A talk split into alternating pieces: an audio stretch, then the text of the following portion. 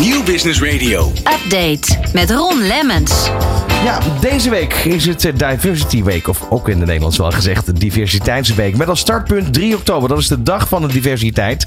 En het is een jubileumjaar, want het is voor de vijfde keer dat deze dag gevierd gaat worden. Op eh, 1 oktober 2019 vond namelijk de eerste Diversity Day plaats onder het motto Jezelf zijn werkt. Op deze dag van verbondenheid wil men laten zien dat men een mix van mensen met een verschil, culturele afkomst, seksuele oriëntatie, leeftijd, gender en arbeidsvermogen positief is. Nou, hele mond vol, dat, dat, dat is het zeker. Eh, het thema overigens van dit jaar is verschil verrijkt. Ik ga hierover praten vandaag met Roselien Wekker. Roselien is adviseur en gespreksleider op het gebied van diversiteit en inclusiviteit. Van hippe start-up tot ijzersterke multinational. Iedereen praat mee op Nieuw Business Radio. Voor jou een soort van eh, feest eh, der herkenning, eh, Roselien. Welkom in de studio.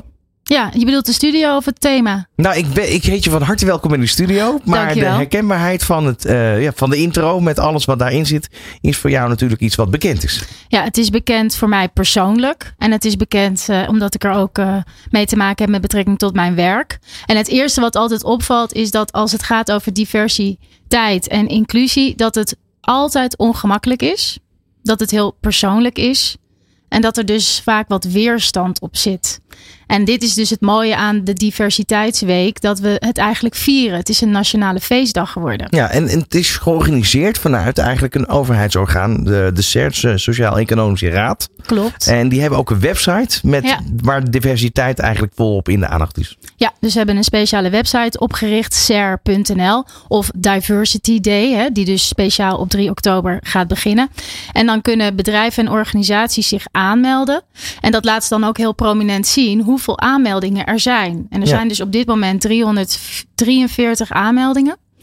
En dat is natuurlijk heel belangrijk voor het bedrijfsleven, Ja. voor, voor de maatschappij, voor de samenleving. Ze zullen eens even teruggaan naar 2019. Hoe doen de status eigenlijk was van eh, ja, alles rondom diversiteit?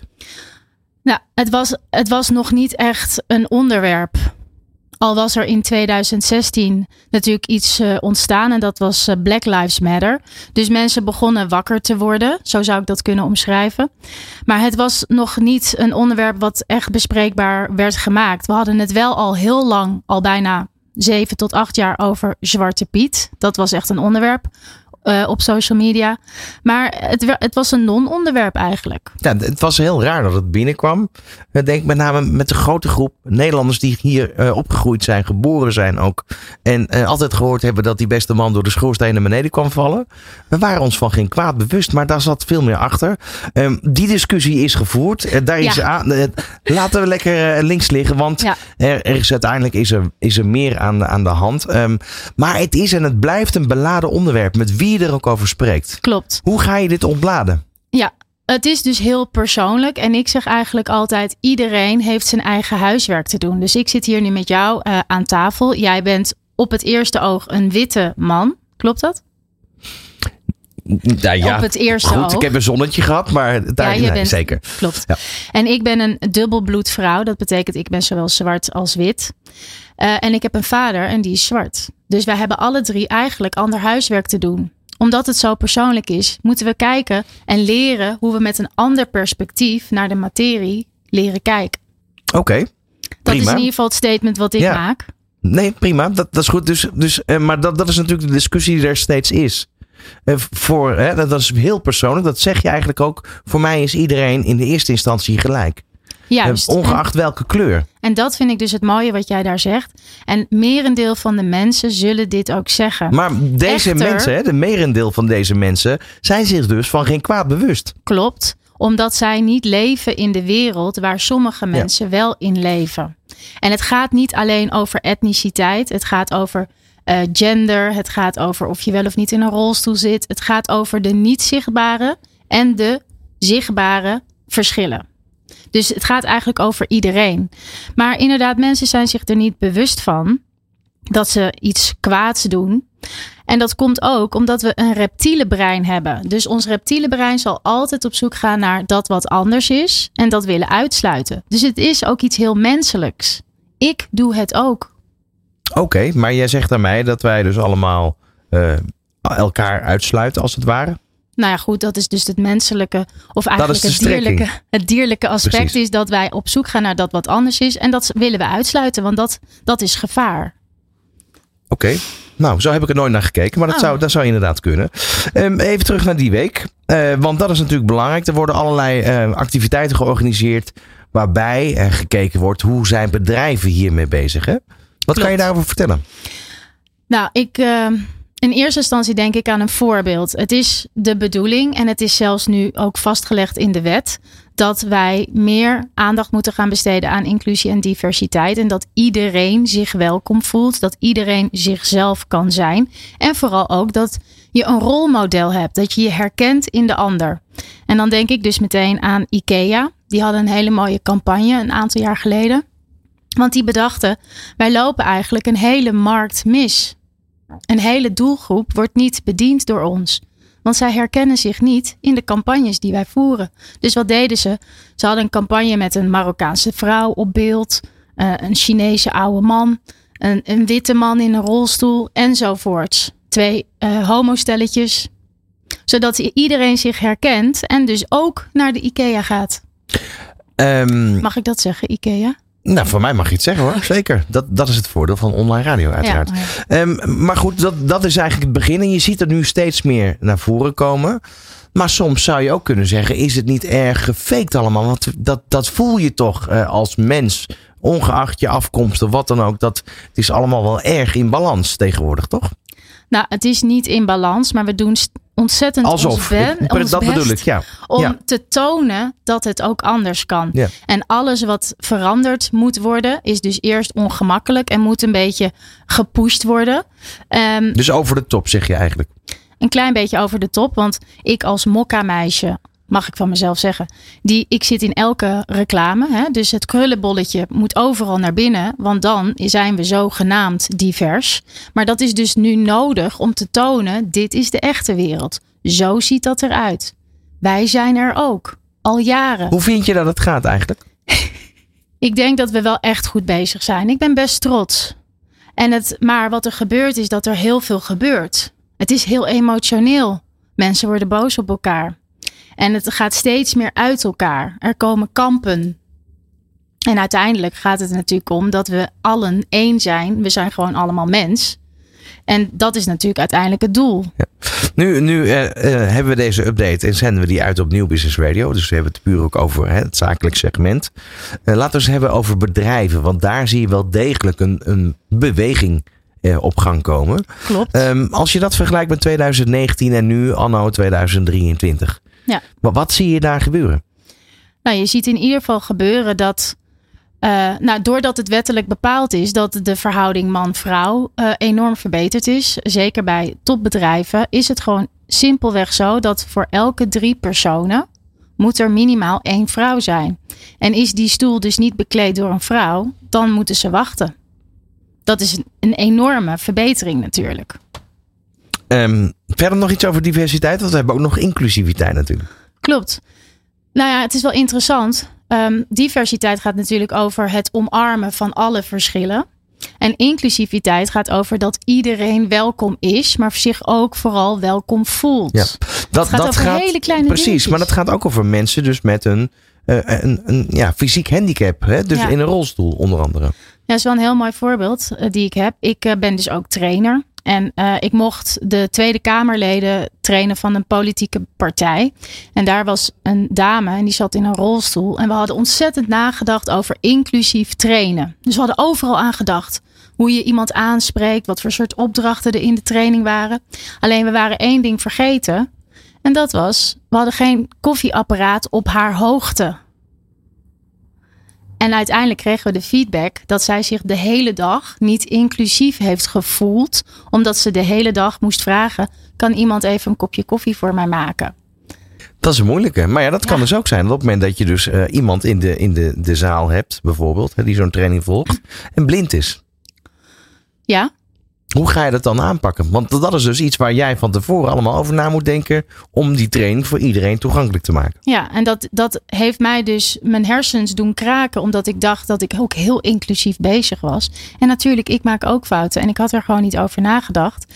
Uh, dan kan je bijvoorbeeld zeggen, nou, als we niet inclusief kunnen trainen. dus als die persoon die niet kan zien er niet bij kan zijn en zich niet inclusief kan voelen. dan moeten we misschien maar niet trainen. Zo, dat gaat best heel ver, toch? Ja, dus het gaat over dat we ons brein moeten stretchen op zo'n manier dat het ongemakkelijk wordt en dat iedereen erover na moet denken. Want het geldt echt voor iedereen. Dan um, even kijken naar die inclusiviteit. Heeft dat iets met deze diversiteitsweek te maken? Of is dat toch totaal wat anders? Ik vind van niet. Ik vind het ook interessant hoor. Maar is het, wordt het, laat ik het zo zeggen, wordt het meegenomen in de onderwerpen, waar dan ook? Het wordt eigenlijk altijd in één uh, zin benoemd. Hè? Diversiteit en inclusie wordt samen benoemd. Vaak is het inderdaad in één zin. Klopt. Maar het gaat hier over diversiteitsweek. Ja, ik denk dat wellicht als je eerst moet, je moet eerst leren kijken wat is diversiteit? Hoe ziet dat eruit? Wat betekent dat voor mij? Uh, en als je dat echt begrijpt, dan kan je natuurlijk ook pas gaan nadenken over inclusief, uh, inclusiviteit. Want als je niet weet waar je op moet letten, kun je het ook niet toelaten. Um, hele duidelijke, maar het heeft nog steeds, wat jou betreft, een iets te klein podium. Ik denk dat het een podium moet zijn uh, wat. Of moet je dagelijks... dat volledig los van elkaar trekken? Hoe bedoel je dat? Nou, in de zin van, je hebt nu een, een week, hè, daarvoor hebben, daar hebben we het nu ook over, die diversiteitsweek. Mm -hmm. Dat is echt om speciaal aandacht te vragen voor dat onderwerp. Um, maar we zeggen eigenlijk al, jij zegt het ook, diversiteit en inclusiviteit wordt vaak in één woord genoemd. In één zin, net hoe je het wil, wil zien. Um, is daar voldoende aandacht voor, voor dat onderwerp inclusiviteit? Hm. Of moet daar ook een speciaal thema aangeweid nou, worden? Of een speciale leuk week? dat je dat vraagt. Want het verbaast me eerlijk gezegd dat het diversiteitsdag is en week. Dat verbaast Wat mij. is over het verschil tussen de, de, de week en de dag? Nou, gewoon simpelweg dat ze eerst zijn begonnen met een dag. En dat dat al heel bijzonder was. En dat ze dachten, dan moet er natuurlijk een week van gemaakt worden. En, en, en een nationale feestdag. Dat het leuk is om er aandacht aan te besteden. En dat het niet gaat over vingerwijzen. Maar wat gebeurt er op die dag? Worden er bedrijven bezocht? Worden er um, uh, ja, paneldiscussies gehouden? Worden er initiatieven ontplooid? Wat, wat zijn ze aan het doen? Klopt. Eigenlijk elk bedrijf die zegt wij doen mee, die hebben een hele week allerlei activiteiten ontwikkeld om dus aandacht te besteden aan inclusie en diversiteit. En dat is inderdaad van een symposium tot een workshop, tot uh, gebruik te maken van de hashtags. Zal ik ze even noemen? Nou, waarom niet? Hashtag inclusie, hashtag verschil verrijkt, diversity day en natuurlijk diversiteit. Gewoon simpelweg daar gebruik van te maken. Misschien een bepaalde medewerker in het zonnetje te zetten. De verhalen naar boven te halen. Want het gaat over ervaringen. Wat ervaar ik elke dag opnieuw? Wat jij niet ervaart. En dat is, dat is belangrijk om dat in ieder geval met elkaar te delen. Dus Ja, eh, jij zegt eigenlijk ook, vooral worden er dus veel verhalen gemaakt. Verhalen die geweest zijn, die worden op die en die week gemaakt en gedeeld. Ja, het, het zijn oude verhalen eh, die verteld worden. En het zijn nieuwe verhalen die gecreëerd worden. Met hopelijk een positievere uitwerking. Om het dan toch even eh, praktisch te maken, Roeselien. Eh, Vorig jaar, wat was het thema toen? De paradox van diversiteit. Oké. Dus dat is al heel ingewikkeld. Ga Ja, er maar eens over Leg nadenken. eens uit. Nou ja, het is een paradox natuurlijk dat, dat je het omarmen van verschillen belangrijk maakt. Dat is eigenlijk niet menselijk. Het is heel menselijk om alles in een hokje te willen stoppen. Dat is overzichtelijk, dat is veilig. En nu gaan we dus iets wat onnatuurlijk is toelaten. Terwijl in de basis, als je kijkt naar een- klein babytje of twee kleine peutertjes, die zien echt geen verschil. Nee, maar dat, dat zou ook kunnen zijn. Bijvoorbeeld creatieve mensen. Ja, die horen daar ook bij Die kunnen onmogelijk in hokjes denken, toch? Ik denk dat ieder mens in hokjes Toch wel? denkt. Ja? Zeker Ja, weten. En ik ik denk dat we allebei een ervaring kunnen hebben. En die kunnen delen van dit is wat ik wel eens denk of doe. Mhm. Wat misschien niet zo netjes is. Maar daarom zijn we ook mens. Maar als je vraagt van wat is nou eigenlijk het verschil met een paar jaar geleden en nu. Is dat bijvoorbeeld er destijds enorm veel aandacht werd besteed aan de enorme lange afkorting. Die steeds langer wordt. LHBTQI+. En die plus stond er toen nog niet voor. Hè, dus het wordt steeds langere rij waar we over na moeten gaan denken. Ik zou een andere term bedenken. Het gaat over identiteit. Ja. Hoe kijk ik naar mezelf is één stuk van de identiteit, maar een ander gaat heel erg over gevoel. En dat kun je niet, eh, daar heb je, heb je geen mening over, want het is jouw gevoel. Jij mag je voelen zoals jij je voelt en ik voel me zoals ik me voel. Daar mogen wij niks van vinden. Ja, Moeten we gewoon een beetje oefenen. dus al met al oefenen, eh discussiëren ehm, en deze eh, week met eh, beide armen omarmen. Ja. Ehm, dat gaat gebeuren. 3 oktober is, is de, de dag. Dat gaan we natuurlijk ook weer merken, denk ik, landelijk. Ja, we gaan dat merken. In de, en ik denk vooral op social media.